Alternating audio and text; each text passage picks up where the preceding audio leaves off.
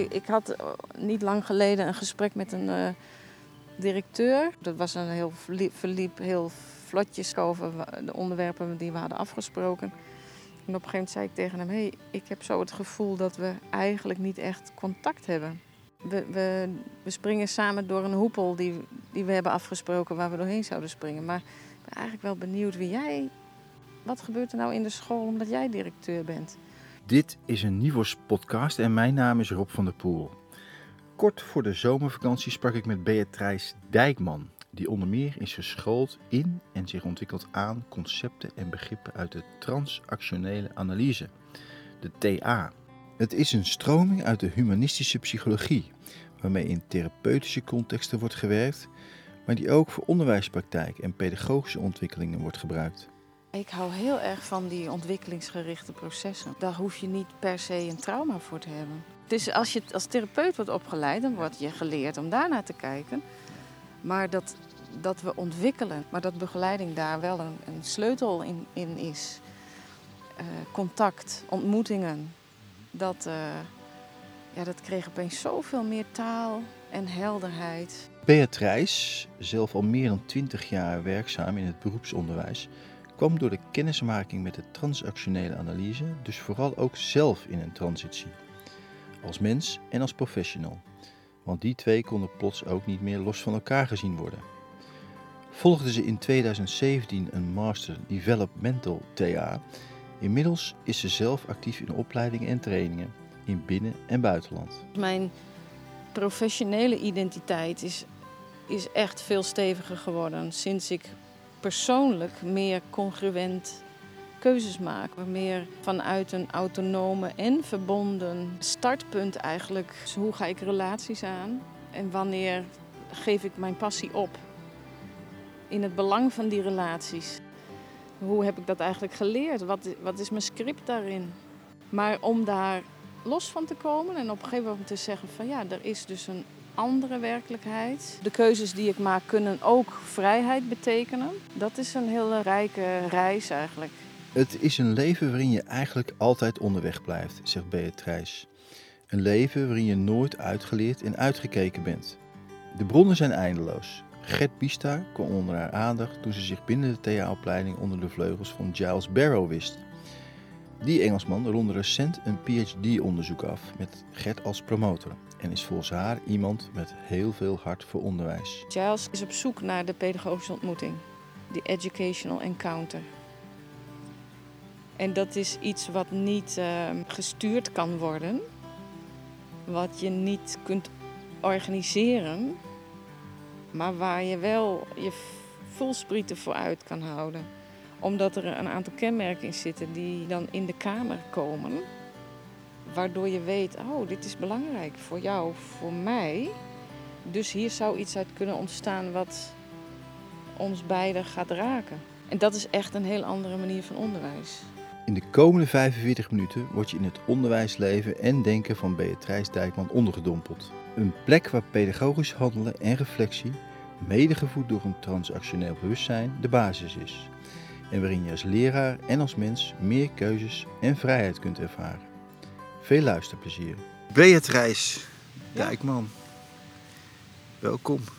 Dank je. Ja, je hebt me meegenomen, om maar daar maar eens mee te beginnen, naar een prachtig stukje natuur eh, dicht bij jouw huis in, eh, in Zwolle. We, hebben wel, we zijn met de auto geweest, maar je zegt ik loop zo meteen wel terug. Zo dichtbij is het. Zo dichtbij. Aan de vecht. Ja. Wat, eh, wat betekent deze plek voor jou? Ik heb deze plek denk ik drie, drie jaar geleden ontdekt. En ik, ik was daarvoor al eh, aan het winterzwemmen. Maar dat was op een, eh, een plek aan het Zwarte Water, aan de andere kant van Zwolle. Maar ik was aan het wandelen en toen ontdekte ik deze plek. En het is bijzonder dat het vlakbij de snelweg is en vlakbij allerlei eh, wijken. Maar dat er tegelijkertijd bijna nooit mensen komen. Ja.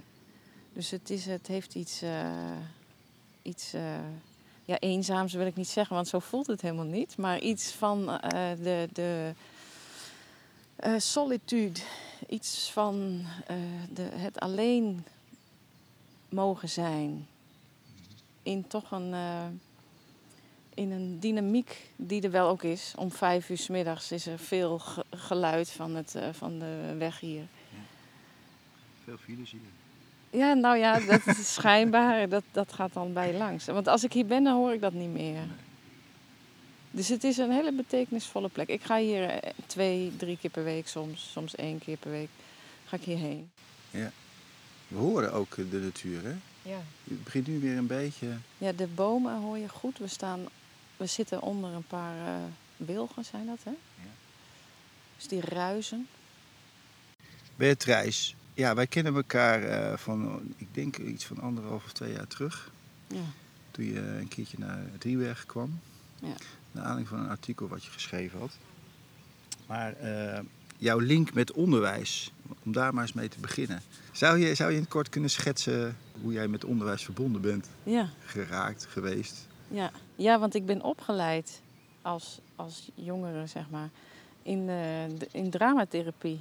Dus ik, ik, ik had een voorliefde voor veranderprocessen bij mensen die ook vastgelopen waren. Zo ben ik begonnen. Maar toen ben ik dat gaan onderwijzen, onderdelen daarvan, ehm, eh, bij een HBO, een social work, of toen nog SPH, so- Sociaal Pedagogische Hulpverlening. En daar eh, heb ik 17 jaar gewerkt. En na 15 jaar moest ik een, eh, een master gaan doen. Wilde ik ook wel, maar eh, dat werd een eh, master in de transactionele analyse. Dat gaat ook over veranderprocessen en over begeleiden van veranderprocessen. Maar toen ehm, heb ik gekozen voor de specialisatie richting onderwijs. Dus ik heb, die, eh, ik heb eerst een, mijn master afgemaakt, maar daarna binnen de TA gekozen voor een specialisatie in onderwijs. En daarvoor ben ik in eh, Engeland, eh, heb ik een jaar lang in Engeland gestudeerd. Bij eh, ja, iemand die, die heel veel hart heeft voor onderwijs. En ik, ik leerde daar, ik voelde gelijk, ik leerde gelijk, jeetje, ik ben eigenlijk in mijn hart heel erg een onderwijzer. Dat kwam je toen Dat- En toen zat ik al 15, 16 jaar. op was ik, plek. was ik al onderwijzer, maar dacht ik altijd, ja, nee, ik ben eigenlijk toch begeleider. Of ik ben eigenlijk.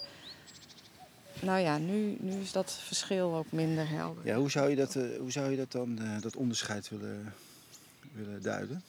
Je zegt, eh, toen kwam ik erachter dat ik echt een onderwijzer Ja. ben.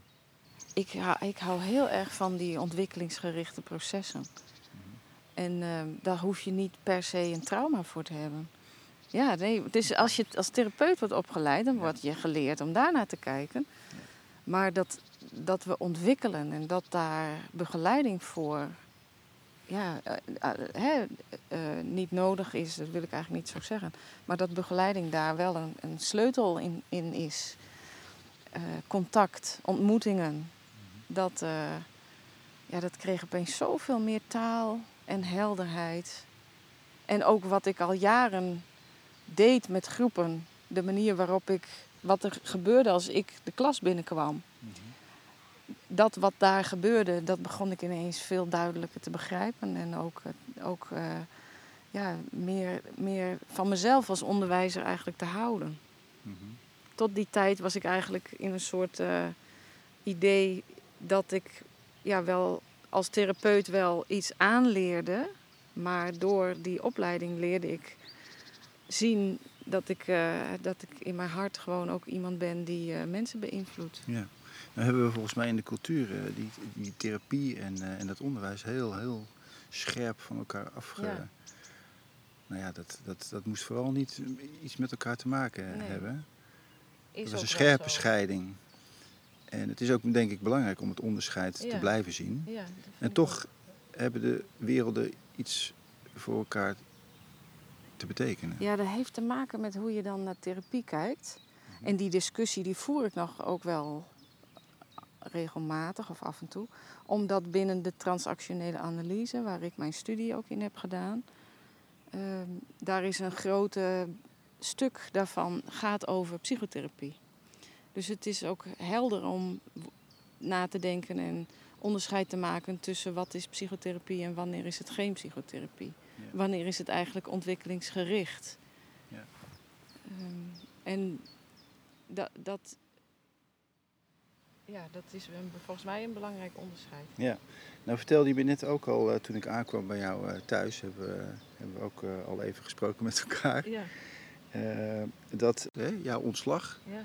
wat je zelf hebt genomen, Ja. dat dat een, een sleutelmoment was. En dat, ik denk dat dat een, als ik het even terughaal, misschien wel een jaar of vier geleden vertelde je, Ja. is, heb je die stap gezet. En dat heeft jou ja, echt in, op een nieuwe plek gebracht. ja, klopt. Wat, wat gebeurde daar? Eh, in mijn ontslag eh, gebeurde er dat ik was, eh, ik gaf dus drama, ik was verantwoordelijk voor de creatieve vakken op een hogeschool hier in Zwolle. Ja. En ehm, ehm, die vakken die werden, ja, die moesten plaatsmaken voor meer cognitieve vakken, voor de body of knowledge, voor andere thema's. En dat ik merkte door die gebeurtenis hoe vast ik eigenlijk zat in patronen waar ik me helemaal niet meer zo goed bij voelde. Ehm, dus toen heb ik ontslag genomen. Dat was helemaal niet een fijne periode. En dat was ook daarna dacht ik, oh ja, wacht. Hoe heb ik dat eigenlijk gedaan? En, hè, dus wat is daar eigenlijk allemaal in gebeurd? Maar ehm, wat heel ja, prachtig was en is, is dat ik daarna ontdekte hoe, dat heeft ook met datzelfde liefhebben van mezelf als onderwijzer te maken. Dat ik ontdekte waar mijn kracht zit en hoe ik ook vanuit mijn passie, ja, hoe belangrijk het is om vanuit je eigen passie te werken. En ook hoe belangrijk het is dat in de context waarin je werkt, dat daar ruimte voor is. Dat je jezelf mag zijn, dat je je passie mag hebben. En zelfs als er door allerlei redenen niet zoveel ruimte is voor een specifiek onderdeel daarvan, dat er toch, ja, ik, ik vind dat zelf in mijn werk nu een heel belangrijk onderdeel is dat ik me steeds afvraag: is dit, ja, dat is een beetje Engels, maar is dit livening or deadening? Dus de vraag moet zijn: is wat ik nu ga doen, is de klus die ik nu aanneem, is de, de school waar ik nu les ga geven, is dat voor mij iets wat me wat me levend Maakt. houdt ja, en maakt. Leven En, en, en mij ook in, ja, in vervoering brengt. Maar je bent daarachter gekomen dat dat. Wat gebeurt er dan om dat, om dat eh, te ervaren, eh, dat verschil, zeg maar? Je bent daar uitgestapt Ja, en je bent je eigen passie ja. gaan volgen. Is het zo simpel? Eh, ja, het is een hele goede vraag. En het is niet zo dat ik een pas, pasklaar antwoord heb. Nee. Want het is niet zo simpel als mijn passie volgen. Het was niet zo simpel als ontslag nemen en vervolgens blij en vrolijk de wereld in, in stappen met mijn rugzakje.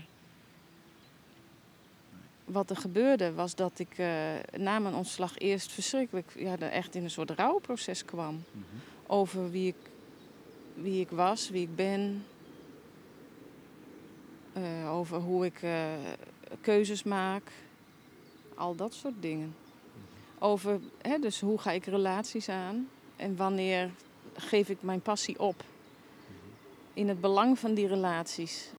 Hoe heb ik dat eigenlijk geleerd? Wat, wat is mijn script daarin? Ja. Maar om daar los van te komen en op een gegeven moment te zeggen van ja, er is dus een andere werkelijkheid. Wat ik tot nu toe ervaren heb, zeg maar, of de keuzes die ik maak kunnen ook vrijheid betekenen. Dat is een hele rijke, hele rijke reis eigenlijk. Wel een, een reis, dus niet iets van ergens aankomen en denken ik ga mijn passie nu een beetje uitspelen. Maar onderweg blijven. En daarin rusten. Of leren te rusten, Ja, te vertrouwen. vertrouwen is belangrijk. Ook wel scherp zijn op welke relaties zijn dan ook helpend daarin. En welke relaties eh, zijn ook minder helpend. Ja.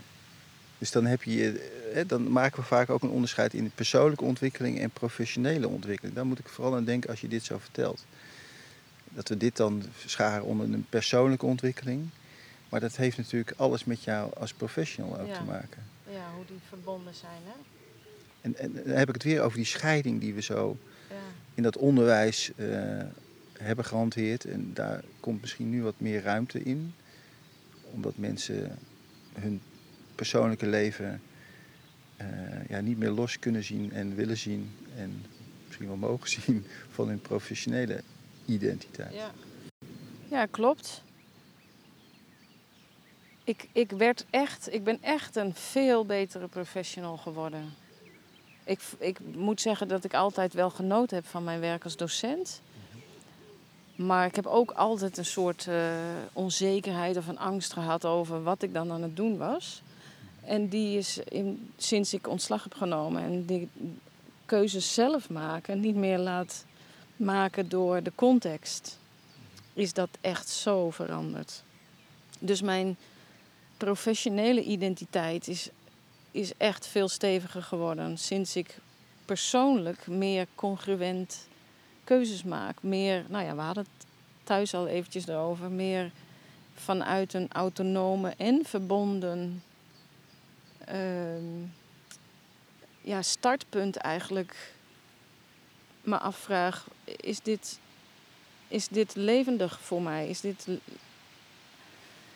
geeft dit, brengt dit iets wat, me, wat belangrijk is in mijn leven? En die, eh, ja, je hebt het al een paar keer genoemd, de, de, de transactionele analyse, de TA. eh, academie, ik weet niet. Er Weet is een TA-academie in Nederland, dat is een bedrijf. Ja. Daar werk ik ook. Ja.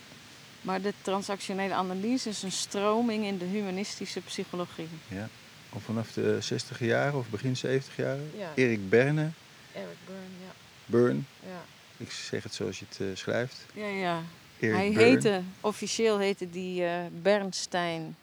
Een Joodse achtergrond, maar hij heeft zijn naam veranderd in Eric Byrne. En eh, jij deed die master, hè? eh, Developmental TA, ja. zo heb je het me verteld. En die heeft je eigenlijk, eh, nou ja, eh, misschien ook wel een beetje in een nieuwe stroming letterlijk gebracht. ja. Hoe zou je de luisteraar mee willen nemen in, in die stroming, in dat, in dat gedachtegoed of in, in die theorie? Die natuurlijk aan de praktijk is ontleed. Maar... Ja. De TA is voor, voor mij is dat een, eh, een serie concepten die je goed naast elkaar en met elkaar kunt gebruiken. Waarin eigenlijk steeds het uitgangspunt is om mensen, mensen hun gedrag en de interactie tussen mensen te begrijpen en te beïnvloeden. Dus met het werken in de TA en met het analyseren van wat er gebeurt in gedrag, komt er een beter begrip, maar komen er ook meer mogelijkheden. Mhm. Dus waar ik in de ervaring vaak denk, ik heb maar één optie, of ik, ik denk niet eens dat ik een optie heb, ik leef en, en er gebeurt iets, kan ik door middel van het gebruik van TA, kan ik op een gegeven moment gaan zien dat er meerdere opties zijn. Ja. En het is een hele rijkdom om dat ja, te onderzoeken, om daarmee bezig te zijn en om die opties eh, te voelen. Dat er een keuze is. Dat dingen kunnen veranderen, dat mensen kunnen veranderen. Mhm. Dat is een belangrijk uitgangspunt. Ja. Dat mensen voor zichzelf kunnen denken, is een ander belangrijk uitgangspunt. Dus dat ik niet hoef te denken voor jou en jij niet voor mij, want dat, daar zijn we heel goed zelf toe in staat. Het is ook transactioneel. Ik bedoel, het, het, het, het gebeurt tussen, mensen. Het is contextueel. Ja. En het is een, een blik op wat er gebeurt tussen jou en de ander. ja, dus het is tussen mij en jou, dus in, interpersoonlijk. En het zegt ook iets over mij als mens. Dus dat persoonlijke, dat intrapersoonlijke zit er ook in. En dat, eh, ja, dat is wel bijzonder om te gaan begrijpen waarom ik in situaties op een bepaalde manier me voel of handel of iets wil. Nou heb ik altijd, als ik de TA eh, daar iets over vertel of iets over deel, dan zie ik altijd de, de drie eh, posities eh, voor me. Hè? Ja. De ouder, de volwassene en het kind. Ja. En dan zet ik ze ook altijd, de ouder zet ik bovenaan. Ik weet niet of dat... Ja, dat, dat... vanzelfsprekend is. Maar Nou, niet meer, niet meer. niet meer, nee. Maar En, eh, en, en dan is het het besef dat we allemaal die, eh, die drie posities kennen in ons leven. eh, en innemen ook in relatie tot de ander. Ja. Dat we soms de ouder zijn en gaan zorgen en misschien wel eh, normeren en iets vinden, ja. iets vinden. Maar dat we ook het kind zijn wat, eh, wat eh, iets nodig heeft of eh, speels is, behoeftes heeft, eh, eh, impulsen. En dat er eigenlijk een derde positie is. Want dat noem ik dan toch maar even de derde positie. Want die, die andere twee die kennen we misschien best wel eh, goed. Ja. Dat er een geïntegreerde Ja. volwassene is. Ja, Die die twee posities eigenlijk heeft geïntegreerd in een volwassen positie. ja, En dan kom ik al heel snel bij Bista terecht. ja. Die het altijd heeft over eh, eh, wat, wat je wenst en wat wenselijk is. ja. Grown-upness vind ik zo prachtig daarbij passen. Grown-upness. Ja, dat schrijft hij, hè? Vertel eens. Oh, hij heeft zo'n mooie zin ergens. Wat is het ook alweer? To be in the world in a grown-up way. Dus de, to, wat zijn we aan het doen in het onderwijs? We zijn het voeden van het verlangen om op een volwassen manier in de wereld te staan. Dat is. Dat is eh, en hij heeft daar die term grown-upness die hij dan soms Mhm. gebruikt.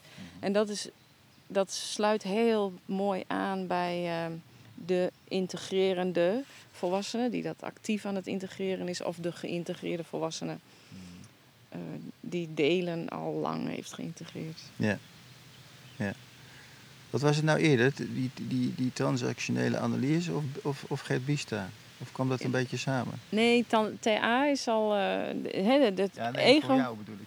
Oh, ook, ook eh, TA was er eerder. Ja. Dus ik was denk ik anderhalf jaar ehm, onderweg toen ik eerst een, een, een soort masterclass ging volgen. Daar voor het eerst hoorde over Bista. En vervolgens in Engeland me heb ingeschreven bij een cursus van eh, een van de studenten bij, van Bista. eh, mijn, mijn eigen supervisor. eh, Giles Barrow. Daar is hij. Daar is hij. Een belangrijke Ja. bron Ja. geworden. Ja. En ook een van de mensen die gepromoveerd is, ook weer met Gert als, Ja. als eh, promo, hoe heet het? promotor. Hè? Promotor, ja. Ja. ja. klopt. Onlangs. Nog niet zo lang geleden, zijn eh, boek komt nog uit. Ja. Ja, eh, Giles Barrow is iemand die met heel veel hart voor onderwijs. En maar ook met een, een onconventionele manier van lesgeven. Waar ik heel erg bij aan, aanhaakte. Destijds en nog steeds. Wat doet hij? Hij, ga- hij? gaat naar buiten. Dus dat is een belangrijke. Dat is voor mij ook belangrijk. Ja. Hij is, hij, is, hij is echt, hij, een van de dingen waar hij zich mee bezighoudt, heet, dat heet ecologische TA. En dat gaat over eh, eigenlijk de natuur als belangrijke bron voor ons zijn, voor wie we zijn als mensen ook. Eh, dus ook dat je buiten les hebt en dat je. En ik heb een hele belangrijke voor mijzelf, eh, vlak voor mijn ontslag, waren we op een strand in Engeland. eh, Had hij ons eh, met een opdracht, met een gedicht weggestuurd. En dat is echt een metamorfose geweest om te denken van... Goh, ik heb gewoon keuzes. Echt, ik heb echt keuzes. Het is niet iets wat ik bedenk, maar die zijn er. Ja, dat had ook met die plek te maken daar. Nou, dus dat is, eh, vind ik heel fantastisch. En een ander ding wat ik na het eerste jaar tegen hem zei... is dat, ik, dat me opviel dat hij heel... Hij is er heel goed in om mensen te volgen. Dus in het onderwijs zijn wij heel vaak sturend. Zijn we heel vaak bezig met een, eigenlijk een stip op de horizon waar we naartoe willen. En Giles kan heel goed werken met een... Hij is op zoek naar de pedagogische ontmoeting. Die educational encounter. En dat is iets wat niet ehm, gestuurd kan worden. Wat je niet kunt organiseren. Maar waar je wel je voelsprieten voor uit kan houden. Omdat er een aantal kenmerken in zitten die, ja, die dan in de kamer komen. Waardoor je weet, oh, dit is belangrijk voor jou, voor mij. Dus hier zou iets uit kunnen ontstaan wat ons beiden gaat raken. En dat is echt een heel andere manier van onderwijs. Onconventioneel. Dat is onconventioneel. En dat ken jij misschien zelf ook wel. Ik, ik dacht... Dat dit- je ook zelf wat onconventioneel bent Ja, in jouw praktijk. ja. Dat is zo interessant dat ik dacht, oh, dit doe ik eigenlijk al heel lang. Ja. Ik ben al heel lang op zoek naar die momenten. En ik heb niet altijd de moed gehad om ze vast te grijpen. Of om er werkelijk aandacht voor te houden, hebben. Maar dat ik dat doe, dat, dat is sterker dan mezelf. Dat zat er al in. Dat zat er al in, ja. Ik heb ooit een. eh, volgens mij was dat net toen ik hoorde. Ik gaf een module psychodrama. Toen had ik net gehoord dat dat vak ging verdwijnen. Toen was ik met studenten in een les. En er was iemand, dat was in een muzieklokaal. En iemand die, ging, die had een gitaarbeet. Toen hebben we elkaar verhalen verteld over wat belangrijk voor ons was die week. En die jongen die heeft daar muziek bij gemaakt met de gitaar. Dat was niet gearrangeerd, dat was niet eh, eh, bedacht. Maar dat was iets wat ontstond tussen mij en de studenten. En het was een heel belangrijk moment voor mij in de fase waar ik was, maar ook voor studenten aan het einde van hun eerste jaar. Ik kreeg daarna een mail van een van die studenten die zei: Dit, dit heb ik gewoon nog nooit zo bewust gemaakt dat ik een stem heb. En dat die stem eh, kan resoneren, dat die gespiegeld kan worden. Waardoor ik ineens weet dat mijn stem hebben ook belangrijk voor me is. Ja, dat is een eh, pedagogische ontmoeting die gaat over ontwikkeling. Die neigt naar iets therapeutisch, wat we therapie zijn gaan noemen. Maar wat volgens mij hardcore onderwijs is. Het voeden van het verlangen om als volwassene in de wereld te staan. En ook begrijpen dat die wereld niet, dat ik die wereld niet kan bepalen. Nee. Het gaat wat harder waaien, hè? Hoorde je dat? Het komt met golven. Ja, ja, het komt met golven, ja. Het komt met golven. En dat horen we heel goed. Ja, we horen dat. Dus ik denk dat de luisteraar het ook heel goed hoort. maar goed. Ja, Bista, we hebben hem al, al genoemd, maar en ook eh, het, het, eh, dus de, de spanning tussen het, het, het vrij zijn en het, eh, en, het, en het aanpassen ja, aan eh, de ander, het systeem. Of, precies. De eh, verhalen. ja, en en we, ook dat halen we een soort van soms uit elkaar. Hè, Zo van, nou, het is het een of het ander. ja, Maar je, hebt daar, je bent daar ook wat dieper in gaan kijken, ook in je eigen biografie. En daar heb je al eens een, een heel mooi stuk over geschreven, een essay. Wat we, wat we op onze website ook hebben staan. ja. Over leren, vrij zijn en over je verbinden. Oh ja. Zo heb ik het genoemd. Ja. Je deelde je enthousiasme, tenminste over het verbonden vrij zijn. Ja, Ik ik, ben al een poosje bezig met het begrip vrijheid. Ik lees daar veel over, ben daar veel over bezig. Het intrigeert me. Soms denk ik dat ik het begrijp. En soms is het weer helemaal zo nieuw of onduidelijk. I- Ik ben er wel achter gekomen dat er vanuit verschillende ideeën over onderwijs... zijn er ook verschillende ideeën over wat nou vrijheid is. Bijvoorbeeld in een liberaal idee van onderwijs... dat het belangrijk is dat dat je kennis hebt, omdat kennis je vrij maakt vanuit het ploeteren op de, van de aarde. Dus daarin gaat vrijheid over, gaat echt over een bepaalde positie innemen. Maar dat is eigenlijk helemaal niet de vrijheid die ik zoek in mijn leven, heb ik ontdekt. Dus mijn idee van, van, eh, van vrijheid kan ik bijvoorbeeld ervaren door met een groep een verbinding aan te gaan, waardoor ik voel dat ik een plekje inneem in de wereld of in de samenleving waarin ik ertoe doe. Dat kan ik heel vaak alleen maar in een groep ervaren. Niet, dat, ik denk dat dat dan een beetje verwijst naar wat Dewey zegt hè, over ook progressief idee van onderwijs. Dus pas als ik dat in de samenleving ervaar, voel ik de vrijheid die daarin zit. Ehm, en soms gaat het ook over mezelf vrijmaken van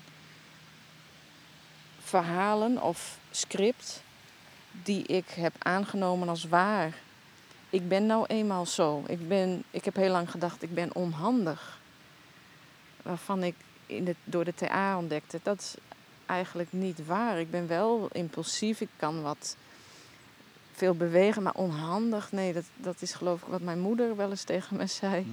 Maar wat niet per se bij mij hoort. Dus de vrijheid die het ook heeft gehad om me daarvan los te maken en te denken, nou, ik, ik ben liever eh, eh, spelend en vrij. Zeg maar, ik voel me liever vrij kind. Wat een andere manier is om te kijken naar diezelfde bewegingen die ik dan maak. Mhm. Kom je nu ook niet heel dicht bij, dat, bij het begrip autonomie, autonomie en verbinding? eh,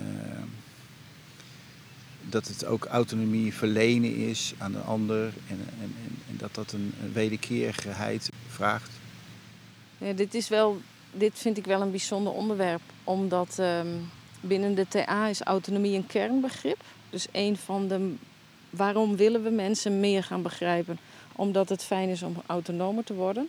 Dat was in de jaren 50, 60 en 70 van de vorige eeuw een belangrijk eh, punt op de horizon.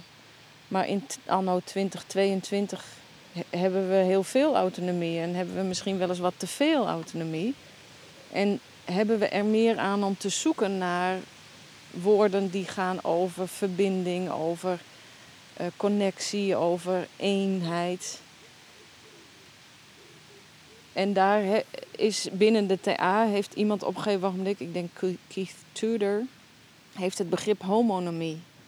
Dat is een begrip van Angial, ook uit de jaren 60 en 70, maar waarin de, de, het uitgangspunt gaat over wij horen, wij zijn één.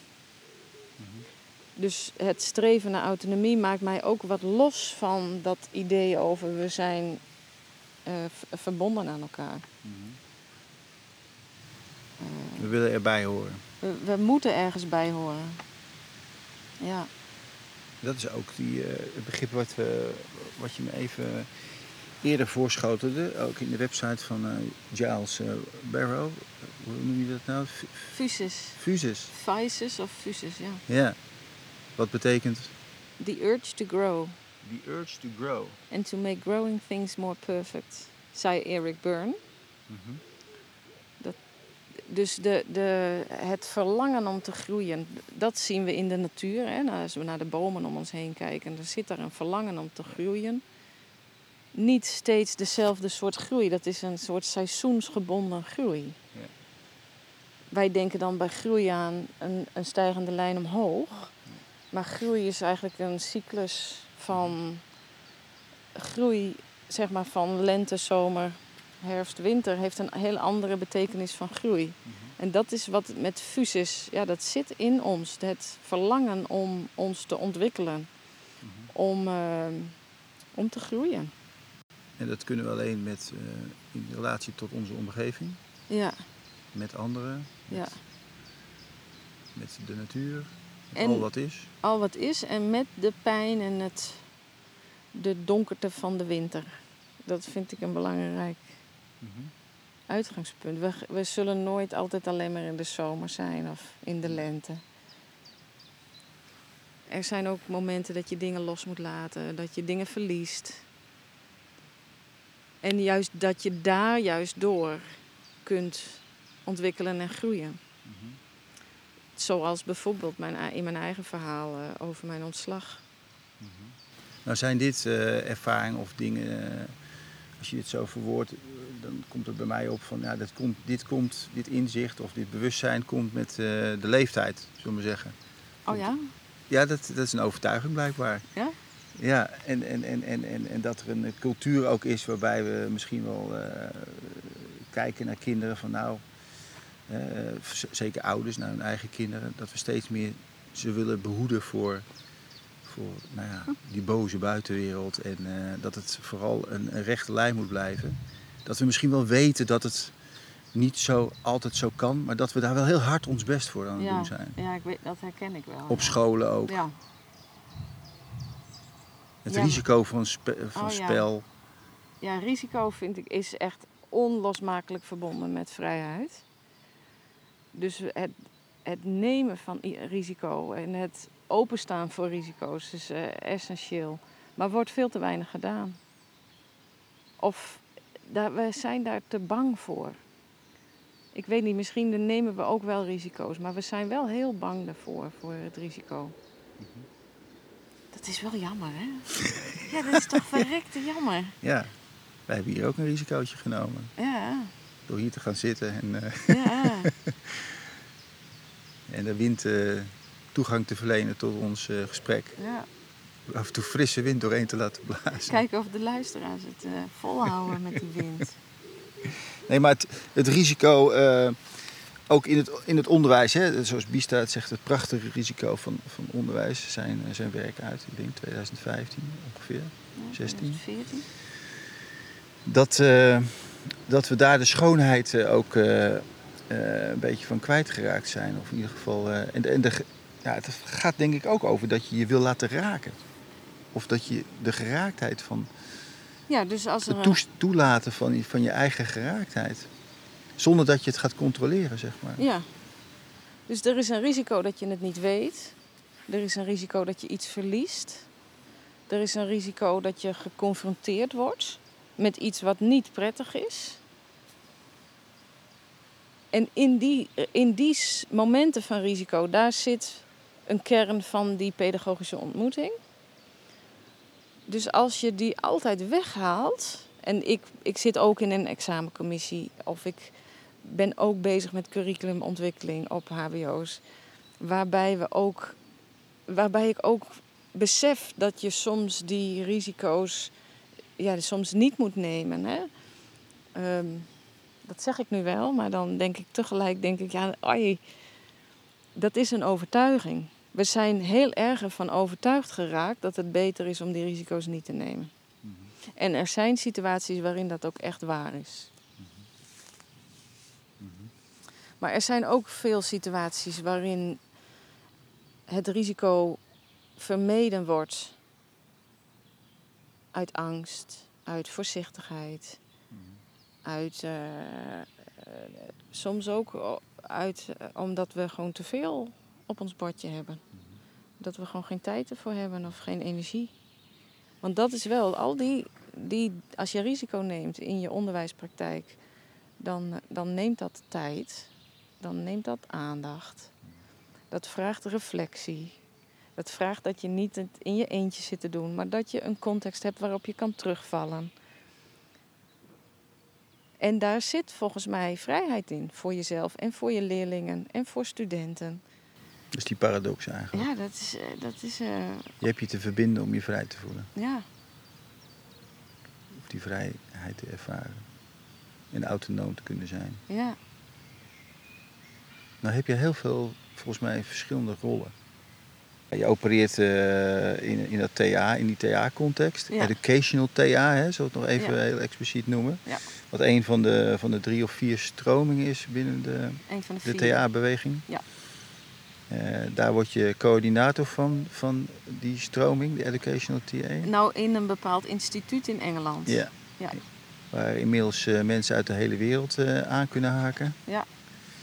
Door de corona ingegeven en de online, eh, online. ja, we werkelijkheid. daar een online drie, met, met de mogelijkheid om een master te halen aan het einde van die of drie, vijf jaar. maar je bent ook, eh, nou je zegt al, je, je, het beroepsonderwijs is je, is je vertrouwd. Ja. Het HBO, maar ook het MBO.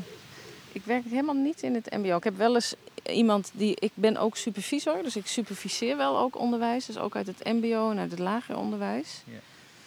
En ik werk samen met de Pentanova, een eh, schoolleidersprogramma, Master Educational Leadership. Daar, daar ben ik tutor van een aantal schoolleiders. Maar mijn, eigen, mijn werk zelf doe ik vaak op HBO's of bij masters. Eh, en als trainer en als supervisor. Dus ik werk bij de TA-academie als trainer ook. En daar bied ik ook een cursus aan in het onderwijs. Ja, want je gaat nu met, eh, met Adrie van der Brand. Ja, klopt. Ga je na de zomer een, eh, eh, in Nederland een opleiding Ja. starten? Ja. Een jaarprogramma? In eerste instantie een jaar. We hopen dat het zo mooi wordt dat we er een tweede jaar aan vast kunnen plakken. Waar je TA aan onderwijs en pedagogiek eh, Ja. koppelt. Ja. Pedagogisch handelen. En de pedagogische ontmoeting Mhm. is een belangrijk onderdeel daarvan. Je, hebt, je, je focus of je aandacht zit wel heel erg ook in dat onderwijs. Ja, klopt. Ja, ik heb heel lang veel in het sociale domein gezeten. Dat doe ik ook nog. Eh, ik werk bij, een, ehm, bij de Hogeschool van Amsterdam, ook bij Social Work. Als examinator en als onderdeel van de examencommissie. En daar geef ik een, ga ik een module geven over veranderen in complexe eh, contexten. Ehm, hoe verklaar ik dat? Dat ik dan veel in onderwijs Ik weet niet, dat, dat heeft toch te maken met het ontdekken van mezelf, van het hart van mezelf als onderwijzer. Dat, dat ik eh, ja, toch het idee heb dat ik daar iets te brengen heb. Ik, ik vind het zo belangrijk. Ik, ik, ik vind dat onderwijs veel belangrijker zou moeten zijn in onze gesprekken. Hoe is het onderwijs? Hoe geven we onderwijs? Waarom doen we dat op die manier? Allemaal belangrijk. Maar vooral wie geeft er eigenlijk dat onderwijs? En hoe, hoe is diegene, staat diegene open voor het contact met het kind, met de student, met de leerling? Dat, dat, dat vind ik een heel belangrijk. ehm, dat is voor mij een hele belangrijke drijfveer ook wel frustrerend als ik soms eh, gesprekken heb met de mentor, mentoren van mijn eigen kinderen. En denk, hoe kan je nou zo zulke uitspraken doen hè, over deze klas of over deze situatie? Wie ben jij? Ja, dan toch op zoek gaan naar wie ben jij daarin? Wat is dan, wie ben jij als onderwijzer? Wat nou maakt dat je het zo slecht verdraagt dat er muiterij werd gepleegd in die klas? Ehm, want de muiterij had ook iets ondernemends en iets interessants. Zullen we ook proberen daarnaar te kijken? Ja, ik, ik zou dat wel in het onderwijs veel meer willen, ja, willen voeden, losmaken. Dus ik, ik had eh, niet lang geleden een gesprek met een eh, directeur, waarin eh, nou, dat was een heel verliep, heel vlotjes gesprek over de onderwerpen die we hadden afgesproken. En op een gegeven moment zei ik tegen hem: hey, ik heb zo het gevoel dat we eigenlijk niet echt contact hebben. We, we, we springen samen door een hoepel die, die we hebben afgesproken waar we doorheen zouden springen. Maar ik ben eigenlijk wel benieuwd wie jij. Wat gebeurt er nou in de school omdat jij directeur bent? Anders dan wanneer iemand anders dat zou zijn. En dat was een hele ja, confronterende vraag. Maar ook een hele rijke vraag. Ik voelde gelijk, oh ja, hier gaat het om. Dit is iets, je doet, je doet dingen echt heel goed. En, en er is ook echt iets waar, waar je voor wegloopt.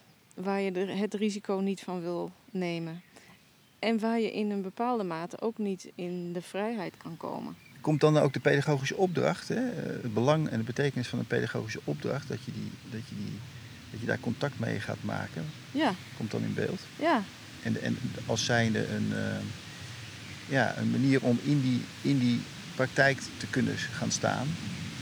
Als een eikpunt, eh, als een eh, persoon. Ja, als de pedagogische opdracht te maken heeft met het vullen van hè, het voeden van het verlangen om volwassen in de wereld te staan, dan vraagt dat ook geïntegreerde volwassenen van alle lagen die er in het onderwijs spelen. Waar eh, ja, zo, zowel hè, doeltreffendheid, wat deze persoon sterk had, heeft, maar ook volgens mij in dit geval iets van kwetsbaar durven zijn of eh, vragen durven hebben. En contact, contact maken. Om te beginnen met al die lagen in jezelf? Om die lagen in jezelf steeds opnieuw aandacht te geven eigenlijk. Ik, dat, dat, hè, een beter eh, milieu begint bij jezelf, vind ik een mooie zin. Maar intussen denk ik, het is niet alleen het begin. Het is ook het steeds opnieuw dat durven doen. Dus in intervisiegroepen die ik begeleid, die ik al langer zie, gaat het ook over steeds opnieuw durven zeggen: maar wacht even, wat zegt deze. Wat zegt dit dan over mijn volgende. Uh, wat zegt dit over mij en wat zegt dat dan ook over de, de alternatieven die ik heb of de mogelijkheden die er zijn? Ja, die komt ook voorbij. Zie hem nog niet eens, maar we horen hem al wel. 51 minuten. Hoeveel, hoeveel wordt de podcast eigenlijk? Hoeveel minuten? 51 minuten, denk ik. Ja, is het klaar? Moeten we nog een afsluitend zinnetje zeggen? Ja. Ja, nou... De... Iets om af te ronden, iets terug naar het begin. We zoeken nog iets om af te ronden. Ja. Iets om, terug te komen, om op terug te komen. We hebben het helemaal niet gehad over jou, hè? In dit gesprek. Ineens, nu we zo aan het, aan het einde van ons gesprek komen, denk ik... Oh ja, waar ben je, wat, wat is voor jou eigenlijk... Um, wat denk jij van deze dingen? Of wat ervaar jij daarbij? Mhm. Ja. Wie ben jij in onze ontmoeting? Dan krijg je een andere, uh, andere podcast. Nou, wat, wat je dus, wie jij nu in het afgelopen gesprek bent geweest, is wel degene die uitnodigt tot nadenken, tot de reflectie, tot het maken van een verhaal. Ja. Daar heb je mij toe uitgenodigd. Ja. Zo heb je jezelf in dit gesprek ingebracht. Mm -hmm. En ik kan me voorstellen dat dat soms helemaal prima is. En dat er soms momenten zijn waarin je denkt: wacht even, nou wil ik ook een onderdeel worden. Zeker. Ja. Zeker. Ja. En dat als we niet die camera, niet dit ding aan hebben staan, hebben we wel een ander gesprek daarover. Ja, hè? Ja. is toch iets van dat aangepaste. Oh ja, we zijn nu voor het echt dit aan het opnemen. Ja. Ja, dat constateren we dan. Ja. Nou. Helemaal oké. Okay. Ik denk het ook. Voor dit moment. Ja. Misschien kunnen we nog een tweede versie opnemen. Ja. een keertje op een, andere, een andere manier. Precies. We gaan eerst eten, toch? ja. Oké, okay, dankjewel. Dit was weer een aflevering uit de Nivos podcast-serie. Het gesprek met Beatrice Dijkman kreeg overigens wel een vervolg, zoals aangekondigd. Die aflevering en andere afleveringen kun je terugvinden op de Nivos website, maar ook op Spotify en Apple Podcasts. Dan kun je Nivos ook volgen, zodat je telkens bij een nieuwe aflevering een melding krijgt en niets meer hoeft te missen. Stichting Nivos sterkt leraren en schoolleiders bij de uitvoering van hun pedagogische opdracht. Meer over onze organisatie, de mensen en de activiteiten lees je op www.nivos.nl.